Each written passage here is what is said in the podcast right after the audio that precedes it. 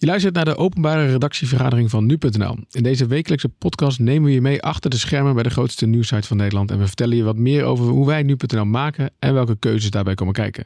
Mijn naam is Gertjaap Hoekman, ik ben de hoofdredacteur van nu.nl. Welkom bij de Week van Nu.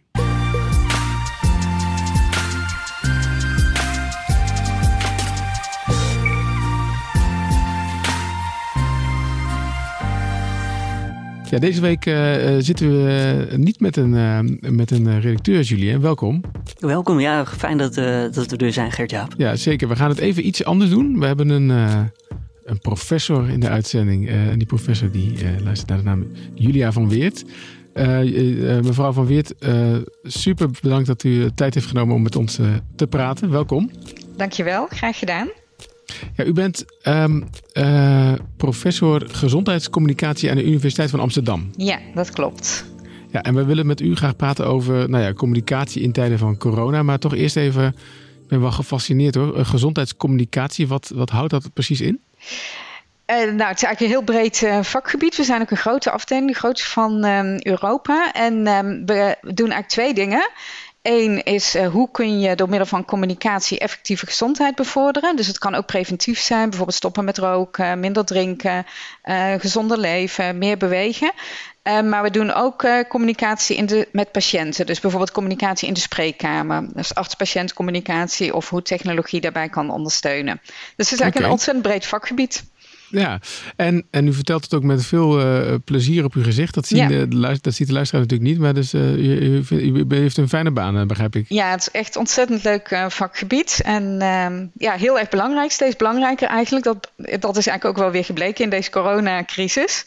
Hoe belangrijk ons vakgebied is en hoeveel we kunnen bijdragen, ook vanuit de gedragswetenschappen en de communicatiewetenschap. Nu zei u net voordat we de uitzending begonnen, de, had, ik zet even mijn e-mail uit, want ik krijg nog allemaal last minute meldingen en ik ga zo op vakantie. Uh, vanmiddag, wat wil, wat, wil, wat wil de wereld van u weten? Nou, eigenlijk uh, heel, heel, van heel veel verschillende kanten. Want ik uh, geef natuurlijk onderwijs. Ik ben leidinggevende. Dus er zijn medewerkers die appen. Ik ben lid van de wetenschappelijke adviesraad van de RIVM Corona Gedragsunit. Uh, daar is het deze week heel erg druk. Omdat er heel veel in het nieuws natuurlijk is dat de besmettingen weer aan het toenemen zijn. Dus ehm, ik heb promovendi. Ik heb een deadline voor een subsidieaanvraag. Okay. Dus er zijn genoeg dingen genoeg. te doen. Genoeg dingen te doen, ja. ja. Nou, u noemt, u noemt het al een beetje. De reden waarom wij nog wat van tijd uh, af willen snoepen is omdat we het graag willen hebben over de, nou de stijging van het aantal besmettingen in, uh, in Nederland. En de, ik moet erbij zeggen, ogenschijnlijke laksere houding die er is in het land. Ja. En, en wij zijn heel benieuwd ja, in hoeverre communicatie daar nou een rol in speelt dat we lakser zijn geworden. Of ook hoe communicatie misschien zou kunnen helpen om dat weer te, te ja, te repareren, laten we zeggen, die houding. Um, en ik denk dat dat er zijn eigenlijk twee vlakken die daar meespelen. Natuurlijk vanuit de overheid, maar ook vanuit de media. Maar ik wil eerst even beginnen bij dat eerste hoor. Hoe, wat vindt u op dit moment van de, van de communicatie vanuit de overheid over, als het gaat over corona? Ja, ik, um, op dit moment um, is het denk ik wel weer zaak dat de overheid ook weer gaat uh, communiceren. Ik ben heel blij dat de media communiceert, want de media is ontzettend belangrijk gebleken, ook voor gedragsverandering. Uh, dus ook om, om goed gedrag um, uh, toe te passen. Nou, heel mooi voorbeeld. Als ik even een heel klein zijpaadje in mag slaan, vind mag. ik het uh, testen. Mogen, in, deze, in deze podcast mag je alle zijpaadjes die je vindt, mag, je, mag je bewandelen.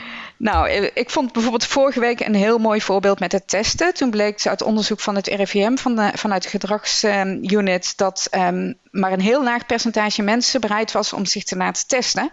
En toen bleek dat heel veel mensen dachten van, ja, ik vind het niet zo belangrijk, want het is mijn hooikoorts of het is mijn rokershoesje of het is maar een griepje.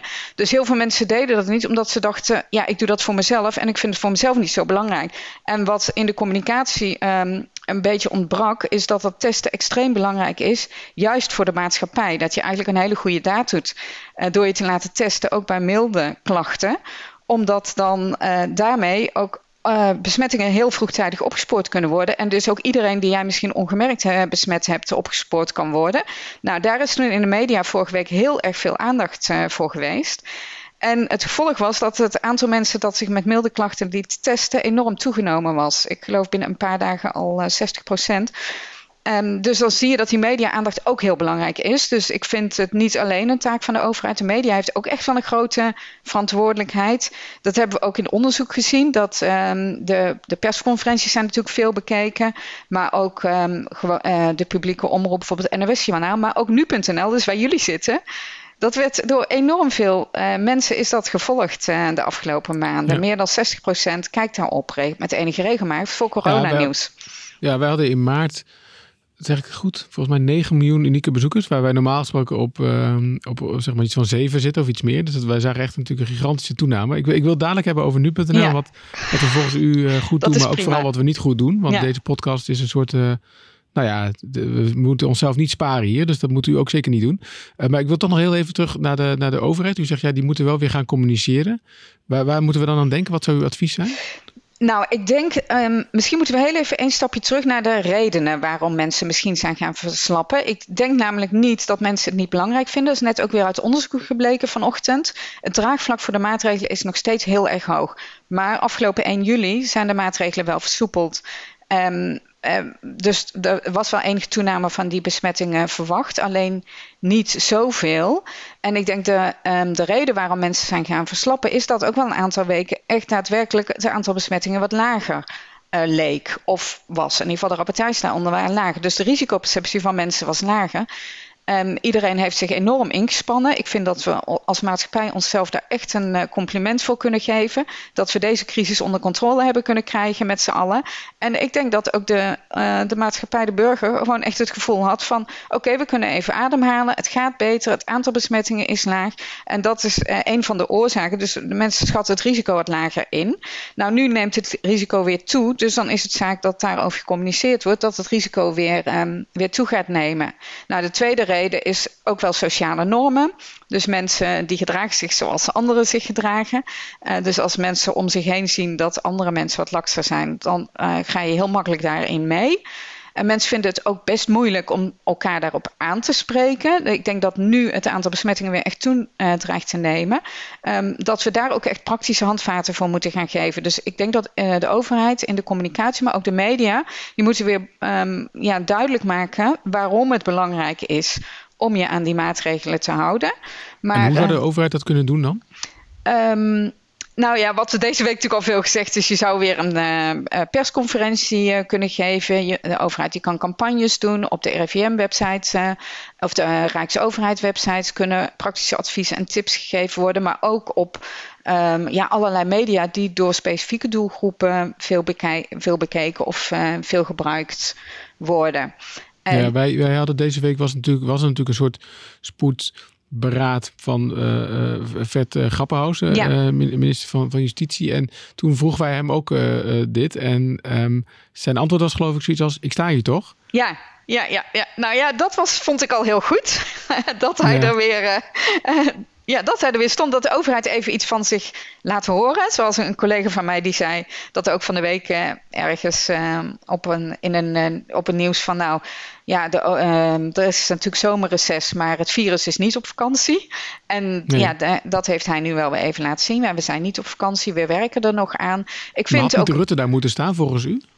Um, nou, het zou goed zijn, denk ik, als Rutte ook weer binnenkort van zich laat horen. Maar ik vind het ook wel heel erg makkelijk om alleen maar naar de overheid te wijzen. Ik denk dat Rutte heel erg duidelijk heeft gemaakt: we gaan versoepelen. Op voorwaarde dat wij als maatschappij ons aan, aan die regels houden. En um, dus we zijn met z'n allen ook echt verantwoordelijk, denk ik, dat we dat doen. En uh, ja, hij heeft eigenlijk ook wel aangegeven van ja, als het niet goed gaat, dan gaan de maatregelen weer strakker worden.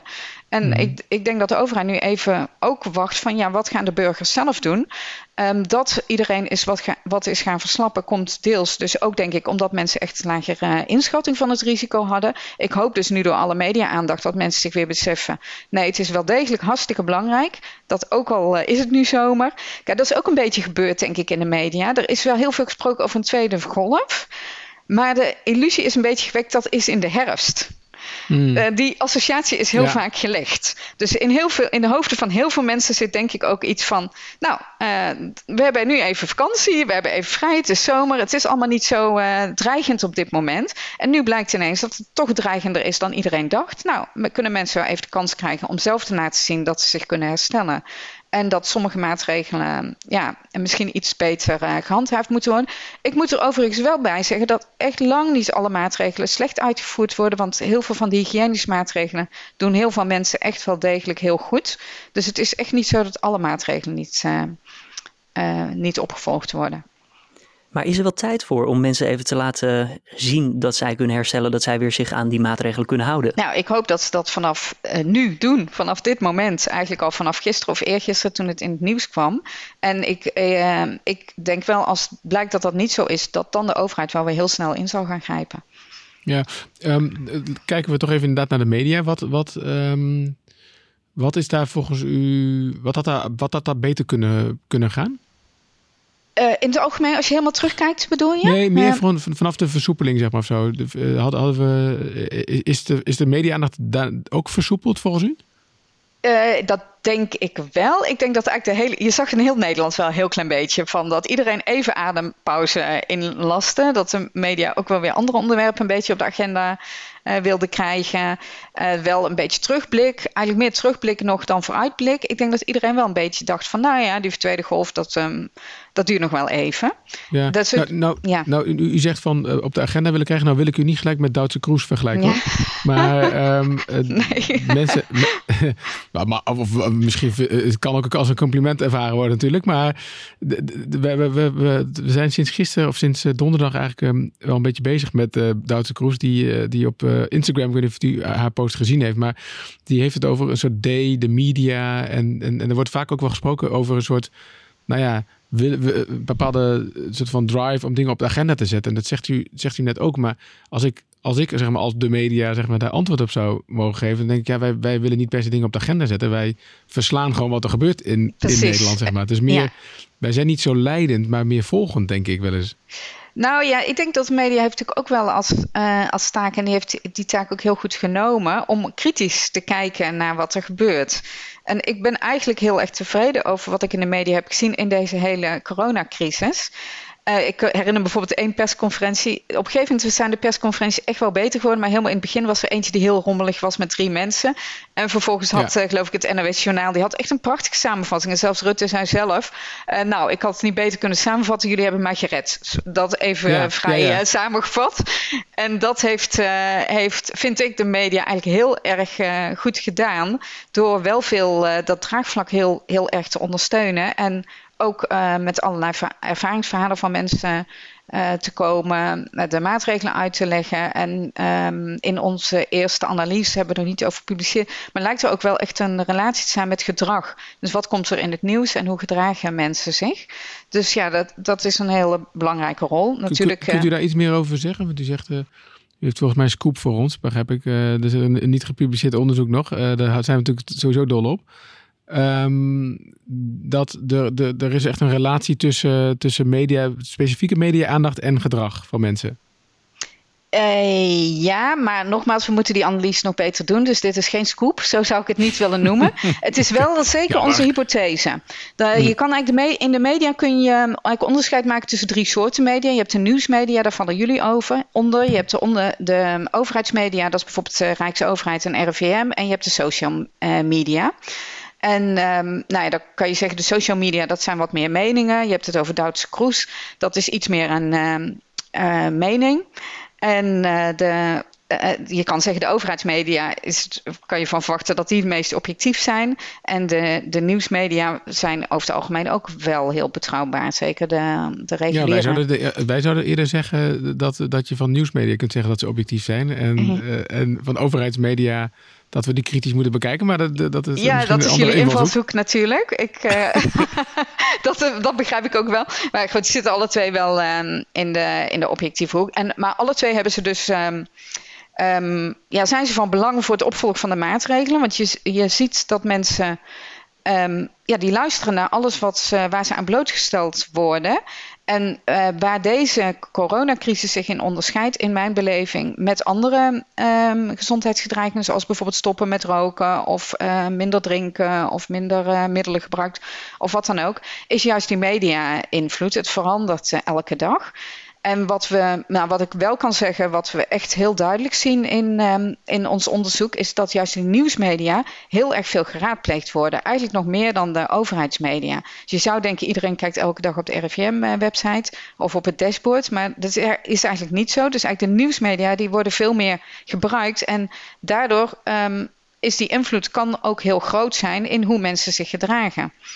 Maar is de overheid dan misschien ook gewoon te ingewikkeld? Als de RIVM-website niet goed bekeken wordt, is het misschien niet begrijpbaar voor de mensen die het zouden moeten lezen? Ja, dan, dat is sowieso een aandachtspunt voor alle websites. We hebben, hebben we zelf ook wel eens onderzoek naar gedaan. Gezondheids... Alle overheidswebsites nee, uh, of ook eigenlijk alle, gezondheidswebsites? We hebben wel eens de, meest, de 100 meest gebruikte gezondheidswebsites in Nederland uh, geanalyseerd.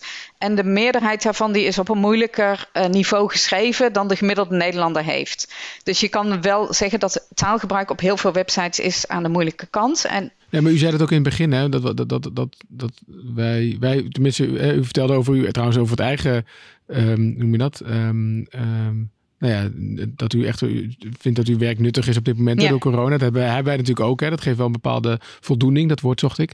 Um, dat we zien dat mensen ons meer raadplegen, dat wij antwoorden kunnen op vragen, uh, vragen kunnen geven. En aan de andere kant hebben wij ook wel eens het gevoel gehad dat wij inderdaad het werk van, van, van, uh, van het kabinet aan het doen zijn. Omdat zij, zij er kennelijk niet in slagen om steeds het goed uit te leggen wat er gebeurt. Nou, de persconferenties zijn ook die zijn eigenlijk het meest bekeken. Daar heeft mm, de, uh, dus daar is heel veel goed werk uh, verricht. We hebben, ik ben zelf wel um, ook gespecialiseerd in um, communicatie met, met meer kwetsbare groepen. Dus met bijvoorbeeld met ouderen, mensen met lage, laaggeletterde of lage gezondheidsvaardigheden. Die konden niet allemaal die persconferenties goed um, volgen. Dus daar zijn wel weer organisaties als VAROS bijvoorbeeld heel erg mee bezig om dan die informatie begrijpelijk te maken. Die werken ook echt wel samen met uh, met de overheid. Dus er wordt, wel, um, er, wordt wel, er wordt zeker wel aandacht aan besteed. Maar het is absoluut um, ja, een, een aandachtspunt. En het is wel zo dat die, het meer traditionele media, zoals televisie bijvoorbeeld, die krijgen nu ineens weer heel veel aandacht. En dat zijn natuurlijk toch makkelijkere media, met name voor mensen die um, ja, die, die nu heel erg veel thuis zaten, die misschien niet zo vaardig zijn met internet, die dan sommige websites uh, te moeilijk vinden, ook in het uh, gebruik, of ze zijn te weinig overzichtelijk. Ja, dan is televisie natuurlijk een heel makkelijk media, medium. En um, geldt ook wel voor die, voor die nieuwswebsite. Ik zou niet zeggen, jullie doen het werk voor de overheid. Ik denk dat het een heel mooi en en en is. Ja, precies. Nou, nou zei u in het begin, want ik had het over, toen haalde ik Duits Kroes erbij, toen gingen we even een ander pad in. Maar um, uh, dat u zei van ja, media die wilde ook weer andere dingen op de agenda zetten. Toen zei ik van nou, wij zijn meer volgend toch. Hè? Dus zeg maar, het feit dat wij dat er minder media-aandacht is, is natuurlijk ook een effect van dat de dreiging. Uh, uh, ja, die was gewoon minder. Werd, hè? Ja. Hè, dus, dus natuurlijk één, als ik het woord narratief even mag gebruiken, één narratief was natuurlijk dat de IC-bedden, dat daar een tekort op ontstond. En dat was natuurlijk een heel belangrijk, ook journalistiek verhaal. Hè, van hoe gaat het daarmee? En op het moment dat je ziet van nou, eigenlijk is de piek voorbij en we hebben dit, we hebben dit, dit is gelukt met elkaar. Ja, dan neemt de journalistieke noodzaak ook af. Maar, maar, maar zegt u eigenlijk ook van ja, maar dat is. Nou, laat ik, er, laat ik er een vraag over stellen. Speelt dat dan vervolgens wel mee in de, de urgente gevoelens die dan het, de samenleving krijgt vervolgens, als wij er ook minder over schrijven? Nou, dat, dat, denk ik zeker. Juist dus omdat jullie zoveel uh, geraadpleegd worden en dat zoveel mensen het, dat nieuws volgen. Maar van de andere kant, als er geen noodzaak is, dan is hij er niet. Dus het is ook echt zo uh, dat een aantal weken geleden het aantal besmettingen lager uh, was, of leek, of in ieder geval gerapporteerd was. Dus ja, waarom zouden jullie um, daar dan veel veel meer nou, aandacht aan besteden? Precies, wij zijn vrij bewust afgeschaald. Hè. We, hebben, we, hebben, we hebben, hadden een tijdje een blok corona vrij prominent op de voorpagina staan. We hadden er ook een blokje hebben we ook een boel discussie over gehad hoor. Dat heette uh, thuis. Van uh, welke dingen kun je dan thuis doen en zo. We hadden een dagelijkse push die we uitstuurden. Hè, van er zijn zoveel besmettingen of dit is het belangrijkste nieuws. En met al die drie dingen zijn we gestopt. Omdat de, ja, de, de, de urgentie weg, wegbleef. Ja, en iedereen was ook wel een beetje corona moe. Iedereen was uh, toe aan vakantie. Iedereen wil even wat anders. Nou, dat, dat is allemaal heel erg begrijpelijk. Maar nu blijkt deze week... nou, misschien zijn we toch een beetje te veel ehm, te laks geworden. Ja. En ja, dat virus is er nog steeds. Het zit nog ergens en het lijkt de kop weer op te duiken. Nou, nu springt de media er gelukkig weer bovenop. En dat, dat, dat is denk ik ook die taak van de media. Om dan, wanneer het urgent is, ook die urgentie weer voor het voetlicht te krijgen. Maar als je vanuit de, vanuit de wetenschap, of vanuit u in ieder geval, um, terug zou kijken. En daarom, daarom misschien u zegt van het is makkelijk om naar de overheid te wijzen. Dat is ook zo hoor. Omdat je, um, laten we zeggen, als je, nou, laat ik zeggen, als je terug zou kijken, zou je dan, zou je dan had je dan media misschien geadviseerd om wel met meer urgentie erover te blijven schrijven? Als u het voor het zeggen zou hebben? Nee, want je moet overtuigend uh, zijn. En als op het moment dat het aantal besmettingen laag waren, waren ze ook laag. Dus uh, het publiek moet er ook op kunnen vertrouwen dat wat zij te lezen krijgen, uh, dat dat overeenkomt met hoe de werkelijkheid op dat moment is. Ja. Maar, maar daarom, is het, daarom wijs ik naar de overheid, omdat ik denk, die, dus dan, is eigenlijk, dan blijft de boodschap over van pas op. Ja, ja. Dat is eigenlijk de boodschap die je dan moet overbrengen.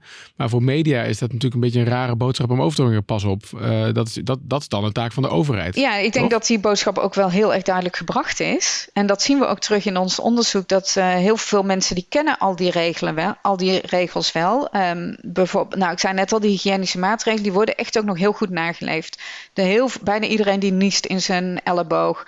Uh, er worden geen handen meer geschud. Iedereen kent die regels, dat doen mensen nog. Nou, wat ze ietsje minder doen qua hygiënische maatregelen is um, handen wassen. Bijvoorbeeld als je op bezoek hebt bij iemand, als je binnenkomt. Nou, dat, dat zijn dingen die blijkt nu uit um, onderzoek dat mensen dat ietsje minder doen. En dat afstand houden wat minder, maar ook weer niet voor iedereen. En dus ja, dat, de, is nog steeds uh, de helft van de mensen die dat wel die dat wel goed doet. En de andere ja. helft die daar iets la laconieker in is geworden. Ja, die wordt nu eigenlijk weer met de neus op de feiten gedrukt. Nou, dat moeten we echt weer strakker gaan doen. Ja, maar zou, zou, zou je dan kunnen zeggen dat dit te voorkomen was? Zeg maar? de, de, de, dus er, misschien gaan we een beetje te snel hoor. Als we zeggen er zijn meer besmettingen. Dat is het gevolg van dat mensen wat soepeler omgaan met de regels. Uh, dat, maar, maar als we dat vaststellen, zou je dan kunnen zeggen dat zou, dat was voorkomen te wezen? Ja, door niet te versoepelen misschien, maar... Ja, maar de, nee, dat denk ik niet. Maar we moeten wel versoepelen, want mensen die pikken dat op een gegeven moment ook niet meer. Als ze allemaal dingen niet mogen, um, als daar geen reden voor is. Dat maar, hebben we gezien ook, hè? Ja, ja dat, dat, hebben we ook echt gezien. Maar um, ja, was het te voorkomen geweest? Natuurlijk, als iedereen zich aan die anderhalve meter houdt, altijd, en gehouden had, ook sinds 1 juni. Um, ja, dan waren er hoogstwaarschijnlijk minder besmettingen geweest. Dat kan je denk ik wel zeggen. Dus dat bedoel ik ook met van we zijn zelf ook verantwoordelijk um, als burger voor, um, ja, voor ho hoe, dit, uh, hoe deze crisis zich, um, zich ontwikkelt. En ja, ik hoop dan dus nu, nu blijkt, ja, het aantal besmettingen neemt weer op, dat iedereen dat ook als een wake-up call ziet. Van oké, nou, we, we zijn toch net misschien ietsje. Ik vind het helemaal niet zo gek dat mensen dat er een heel klein beetje mee geëxperimenteerd wordt. Kijk, dit is een virus wat misschien nog wel heel lang onder ons is. Dus uh, het is een virus waar we heel weinig van af weten, waar continu nieuwe kennis over uh, komt. En waardoor je ook continu moet aanpassen. Nou, als, als we snel genoeg schakelen, dan, uh, ja, dan hoort dat er denk ik een beetje bij dat het met vallen en opstaan is. Tot slot misschien als u nu kijkt naar de berichtgeving van, van nu.nl op dit moment. Uh, we leggen onszelf even op de, op de pijnbank hier, uh, Julien.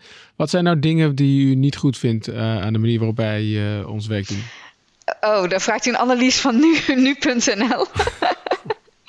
ik nou ja, dat u wat ik, bent, uh, nou, wat, ik kan misschien beter zeggen wat ik belangrijk vind wat er gedaan wordt. Of dat nou door jullie is uh, of uh, door de overheid. Ik denk dat het ontzettend belangrijk is dat in de communicatie heel erg duidelijk gemaakt wordt waarom een maatregel uh, belangrijk is. En ook hoe je je daaraan kunt houden. Dus jij zei net, nou, we hadden ook een, uh, een button met praktische tips voor thuis. Nou, dat vind ik ontzettend. Uh, dat vind ik ontzettend belangrijk en dat heb ik ook wel soms gemist. En dat hebben zeker de kwetsbare groepen gemist. Um, dat, het echt, dat het echt concreet gemaakt wordt van ja, maar wat betekent het nou voor ons en hoe kun je dat nou, hoe kun je dat nou uh, toepassen? Dus hoe doe je dat nou bijvoorbeeld als je bezoek uh, ontvangt uh, thuis? hoe spreek je op een goede manier ehm, elkaar aan? dus, dus dat het echt concreet gemaakt wordt. Nou, je kan allerlei praktische tips geven, een zeepompje zetten bij elke kraan. Je kunt hoe, hoe, hoe laat je een bezoek binnenkomen? Je kan tegen mensen uh, handgel uh, klaarzetten, bezoek meteen naar de kraan wijzen. Dus je kan wel allerlei praktische tips, um, denk ik, daarvoor geven. Dus dat vind ik heel belangrijk. En ik vind ervaringsverhalen ook echt heel ja. erg belangrijk. En dat is denk ik ook wel een van de voortschrijdende inzichten in de berichtgeving. In het begin ging het natuurlijk heel erg veel om de IC en om het aantal overledenen. En nu uh, hoor je toch ook wel steeds meer dat mensen die niet in het ziekenhuis uh, opgenomen worden, daar ook heel ziek van kunnen worden. En ook jongeren. Het risico is wel groter dat mensen die, wat, die ouder zijn er ernstiger ziek van worden. Maar je hoort nu ook wel steeds meer, en dat is ook voortschrijdend inzicht, dat ook mensen die wat jonger zijn, um, dus 50 min zeg maar, dat die er ook wel behoorlijk ziek van kunnen worden. En dat het echt een rotziekte is die je gewoon niet wil krijgen. En uh, uh, die, die echt nog best wel weken of, of maanden voort kan slepen. En dat is denk ik in de communicatie ook belangrijk om die ervaringsverhalen van mensen voor het voetlicht te brengen. Zo, want het is wel in de, denk ik ook in de hoofden van mensen is het een beetje een ziekte geworden voor kwetsbare mensen, voor ouderen met onderliggende ziektes. Het is zeker zo dat voor hun het risico groter is. Maar het risico is niet nul voor, uh, voor mensen die, um, ja, die jonger zijn. Nee, precies. Oké. En, uh, en, en, ik ben dus heel blij als ik nog één ding toe mag voegen. Ja, met de media-aandacht voor testen. Want dat testen is echt extreem belangrijk. Um, dus daar wil ik iedereen ook toe oproepen. Dat test is verschrikkelijk belangrijk om dit virus onder controle uh, te houden. Ja, vervolgens, wat, wat waar wij veel aandacht aan besteed hebben de afgelopen dagen in ieder geval, is ook wel overbelasting van lijnen en ook onbereikbaarheid van uh, testlocaties. Hè? Dus ik weet ook niet of dat nou per se dan weer gaat bijdragen aan, uh, aan die testbereidheid van mensen. Uh, nee, nee ja, nou, maar dat is, kijk, als blijkt dat dat zo is, dan zijn de praktische voorwaarden niet, ook niet helemaal goed uh, geregeld. Daar wordt natuurlijk met man en macht aan gewerkt, maar toch is dat signaal nog steeds wel wel belangrijk, denk ik. Van, uh, nou, er, zijn, er kunnen verbeteringen ehm, optreden. Die verbeteringen die zijn ook alweer voor een deel aangebracht. Dus uh, ik hoop wel dat mensen zich daar niet door laten weerhouden en zich toch gewoon uh, wel blijven testen. Want dat is eigenlijk een van de allerbelangrijkste dingen. En dan natuurlijk ook thuis blijven. Um, als ja. je ook al heb je milde klachten. Check. Ja. Oké. Okay. Nou, hartelijk bedankt voor uw, uh, voor uw tips in ieder geval. En, uh, en uh, ik denk een interessant inkijkje in, in de, ja, de, de, de, de gezondheidscommunicatiewetenschap hierop. Um, ik zou u een hele fijne vakantie willen wensen, als dat mag. Ja, dankjewel. ja, jullie ook een fijn weekend vast.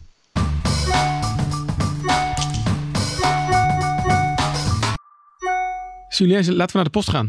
Elke week wordt er weer gemaild en elke week zie ik weer een smile op je gezicht, Gert-Jaap, als jij weer naar die mailtjes kijkt. Uh, je wordt hier, je wordt hier blij ik vind van. het gewoon prachtig, ja, zeker. Nee, ja. het, het, wordt ook steeds uh, meer en, uh, en ja, soms, soms roepen we het ook een beetje op onszelf af. Hè? Dus daar, daarover misschien later meer. Dat we, dat we nogal een lange slepende mailwisseling uh, uh, behandelen hier. Maar uh, we kregen in ieder geval weer voldoende post uit even die we met jullie willen behandelen. En één mailtje kwam van Arthur Habraken. Als ik, dat, ik hoop dat ik dat zo goed uitspreek. Ja. Um, en Arthur die zei dat hij met verbazing in de podcast um, iets hoorde over de enorme verdubbeling van het aantal besmettingen. En dat er een collega gaat rapporteren over hoe erg dat nu is. Uh, waar ik me over verbaas, zegt Arthur, is dat het aantal in mijn ogen belangrijke vragen nooit gesteld wordt. Namelijk, besmetting is één ding, maar worden die mensen ook ziek? Kan het zo zijn dat het aantal geregistreerde besmettingen verdubbelt omdat er nu getest wordt? Meer getest wordt, denk ik ook wat hij bedoelt. En in hoeverre is het aantal besmettingen meer of minder dan andere griepgolven van bijvoorbeeld eerder jaren? Uh, ik weet niet of, of, je per se dan duidt nu op de podcast, want deze specifieke aflevering heb ik denk ik niet gehoord, uh. Ja, volgens mij ging dit over de podcast die uh, we woensdagochtend hadden uit mijn hoofd, waarin Job van de Plicht vertelde over uh, ja, hoe erg het dus nu is dat die verdubbeling er is. Uh, dat was een gesprek met collega Frank Brinkhuis. En ja, ja daar zit, komt wel natuurlijk in dat we het vooral hebben over besmettingen. En inderdaad, wat Arthur zegt, niet zozeer over mensen die daadwerkelijk ziek zijn geworden. Nee, nee wat ik wilde zeggen, dat normaal gesproken in artikelen proberen we wel die nuances steeds aan te brengen ook hoor. Dat, want het zijn namelijk wel terechte terechte vragen die, die Arthur stelt. Um, hè, om, om ze misschien even door te lopen trouwens. Hoor, dat, dat, dat die uh, zeg, besmetting is één ding, maar worden die mensen ook ziek? Nou, inmiddels zien we wel dat het aantal. Je kan naar het corona-dashboard gaan van de, van de Rijksoverheid. En daar zie je ook wel dat het aantal um, ziekenhuis toe, hoe je dat? opnames toeneemt. Dus dat stijgt voorzichtig wel. Dus. Um, nou, volgens zegt hij kan het zo zijn dat het aantal geregistreerde besmettingen verdubbelt, omdat er nu meer getest wordt. Nou, vind ik een hele goede vraag. Ik denk ook wel dat dat meespeelt. Hè. Er wordt gewoon veel meer getest nu dan, dan zeker in het begin van, uh, van corona. Maar wat we daarbij wel zien, ik heb het nog even nagevraagd uh, ter voorbereiding op deze podcast, dat het wel zien dat er relatief meer mensen zijn die op dit moment uh, meer mensen die nu getest worden, dat die besmet zijn dan, dan vroeger. Zeg maar in het begin, begin, van, de, van de corona. Dus Ehm, dus, dus ook dat duidt wel op enige urgentie, denk ik, bij dit onderwerp. Of wat, wat, hoe zei jij dat? Enorme verdubbeling. Ja. Um, ja, in hoeverre het aantal besmettingen meer of minder is dan andere griepgolven van bijvoorbeeld eerder jaren, die, hebben we, die vragen hebben we wel in het begin van corona heel veel uh, beantwoord. En ik denk dat namelijk Um, zeker in het begin zag je dat, dat, dat de, de, zeg maar, de normale griepgolf wel werd gebruikt. En ik weet niet of Arthur of jij dat ook zo bedoelt hoor. Maar dat het, dat, dat argument een beetje werd gebruikt om het um, toch een beetje te downplayen, zeg maar, de corona-aandacht uh, daarvoor. En toen was ons antwoord, en dat, is eigenlijk, dat zou nu ook wel weer mijn antwoord zijn, is dat het dit niet een zeg maar, het grote verschil met deze, met deze um, met, met de, ja, laten we zeggen, de gewone griep, is dat hier geen vaccin voor is. En dat maakt het uh, dat het de, de, poten, de potentiële vers, verspreiding van, van dit virus een stuk groter is en gevaarlijker daarmee ook is dan, dan het gewone griepvirus. Dus, dus ja, we nemen dat wel mee. Hè? Dus ook over, oversterftecijfers en zo brengen we altijd wel. Maar dat is denk ik wel de context die is denk ik wel belangrijk om, om, om mee te geven. Ja. Duidelijk. Dan uh, door naar de volgende brief die we binnen hebben gekregen van Koos Kemna. Die schrijft ook over de podcast van afgelopen maandag. Toen luisterde hij en het, er viel hem iets op. Carne van den Brink schrijft hij gebruikte de spin van Mark Rutte om de vier landen te beschrijven die voorwaarden wilden stellen aan het hulppakket voor de landen uh, die het meest getroffen zijn voor de, over de COVID, voor de COVID, door de COVID-19-pandemie, moet ik zeggen. Uh, dat ging natuurlijk over het Europese noodpakket ja. waar lang over gesproken de werd. Ja, en hij zegt: Het lijkt erop alsof jullie niet mee willen gaan met de kritiek op de terughoudende houding van Nederland en ervoor kiezen het beeld van de vrekkige vier, wat in mijn ogen beter in de mond ligt dan de zuinige vier, de kop in te drukken. Ja, en hij vraagt zich af van, nou ja, aan de ene kant van doen wij dat uh, met opzet en um, ja, wat voor effect heeft dit op de nieuwsvoorziening? Hij noemt het ook een, een soort van persoonlijke voorkeur mm, die we erin benoemen. Ja, ja. Gert-Jaap, vind jij dat? Nou, om even, ja? even op in te gaan, dat, ik vind inderdaad de vrekkige vier wel mooier klinken dan zuinige vier. Daar ben ik het eigenlijk wel uh, met hem eens. Het is ook wel interessant trouwens hoor, dat is misschien een detail, maar dat geloof ik, de, uh, dat zei onze politiek verslaggever Edo van der Groot wel, dat ik weet even niet wat de Engelse term voor vrekkig is. Maar dat is iets van um, Frogling of zo, geloof ik, voor of zoiets. Daar kwam, daar kwam het vandaan. Dus uiteindelijk ja. dat de Nederlandse vertaling zuinige vier is geworden in plaats van vrekkige vier. Dat is eigenlijk wel interessant trouwens, vind je niet, Julien? Want, want vrekkig is veel negatiever dan zuinig. Zuinig is eigenlijk ja, best wel positief. Zuinig kan nog wel inderdaad een positieve ja. rand hebben. En ik zeg je heel eerlijk dat ik niet weet of wij nou dat zuinige vier hebben bedacht. Of dat wij ook een beetje mee zijn gegaan in dat dat genoemd werd. Um, maar ik, ik, ik vind zeg maar dat wij hadden deze week ook een podcast met Edo waarin hij terugblikte eigenlijk hè, op de EU-top. Um, ja. En ik vond dat hij daar wel goed vertelde dat je wel moet beseffen dat zeg maar uh, uh, beeldvorming heel belangrijk is in dit, uh, in dit verhaal. Dus dat alle politici die daar aan tafel zaten bij, in de EU, bij die EU-top van die aantal dagen, dat die ook weer terug moeten naar hun eigen landen en hun eigen parlementen en daar ook weer debatten moeten voeren. En dat het dus wel in het belang is van Rutte om um, ja, het beeld dat hij uh, uh, het onderste kan heeft gehaald. Hè, dat er minder dat er onder strengere regels geld naar Zuid-Europa moeten kunnen. Dat dat heel erg ook wel weer een politieke uh, ja, een politiek beeld is wat hij graag wil, wil, wil creëren. Niet alleen in de, in de, in de debatten die hij natuurlijk voert aan de rechterkant in de Tweede Kamer met de PVV en de uh, Forum voor Democratie, maar ook voor zijn, uh, voor zijn achterban, dus de VVD'ers. Dus, dus ik denk dat dat wel zeker meespeelt. Um, en ik ben niet helemaal met hem eens dat wij dat, die nuance niet hebben gemaakt, eerlijk gezegd. Want ik denk dat we die uitleg er ook wel goed hebben bijgezet.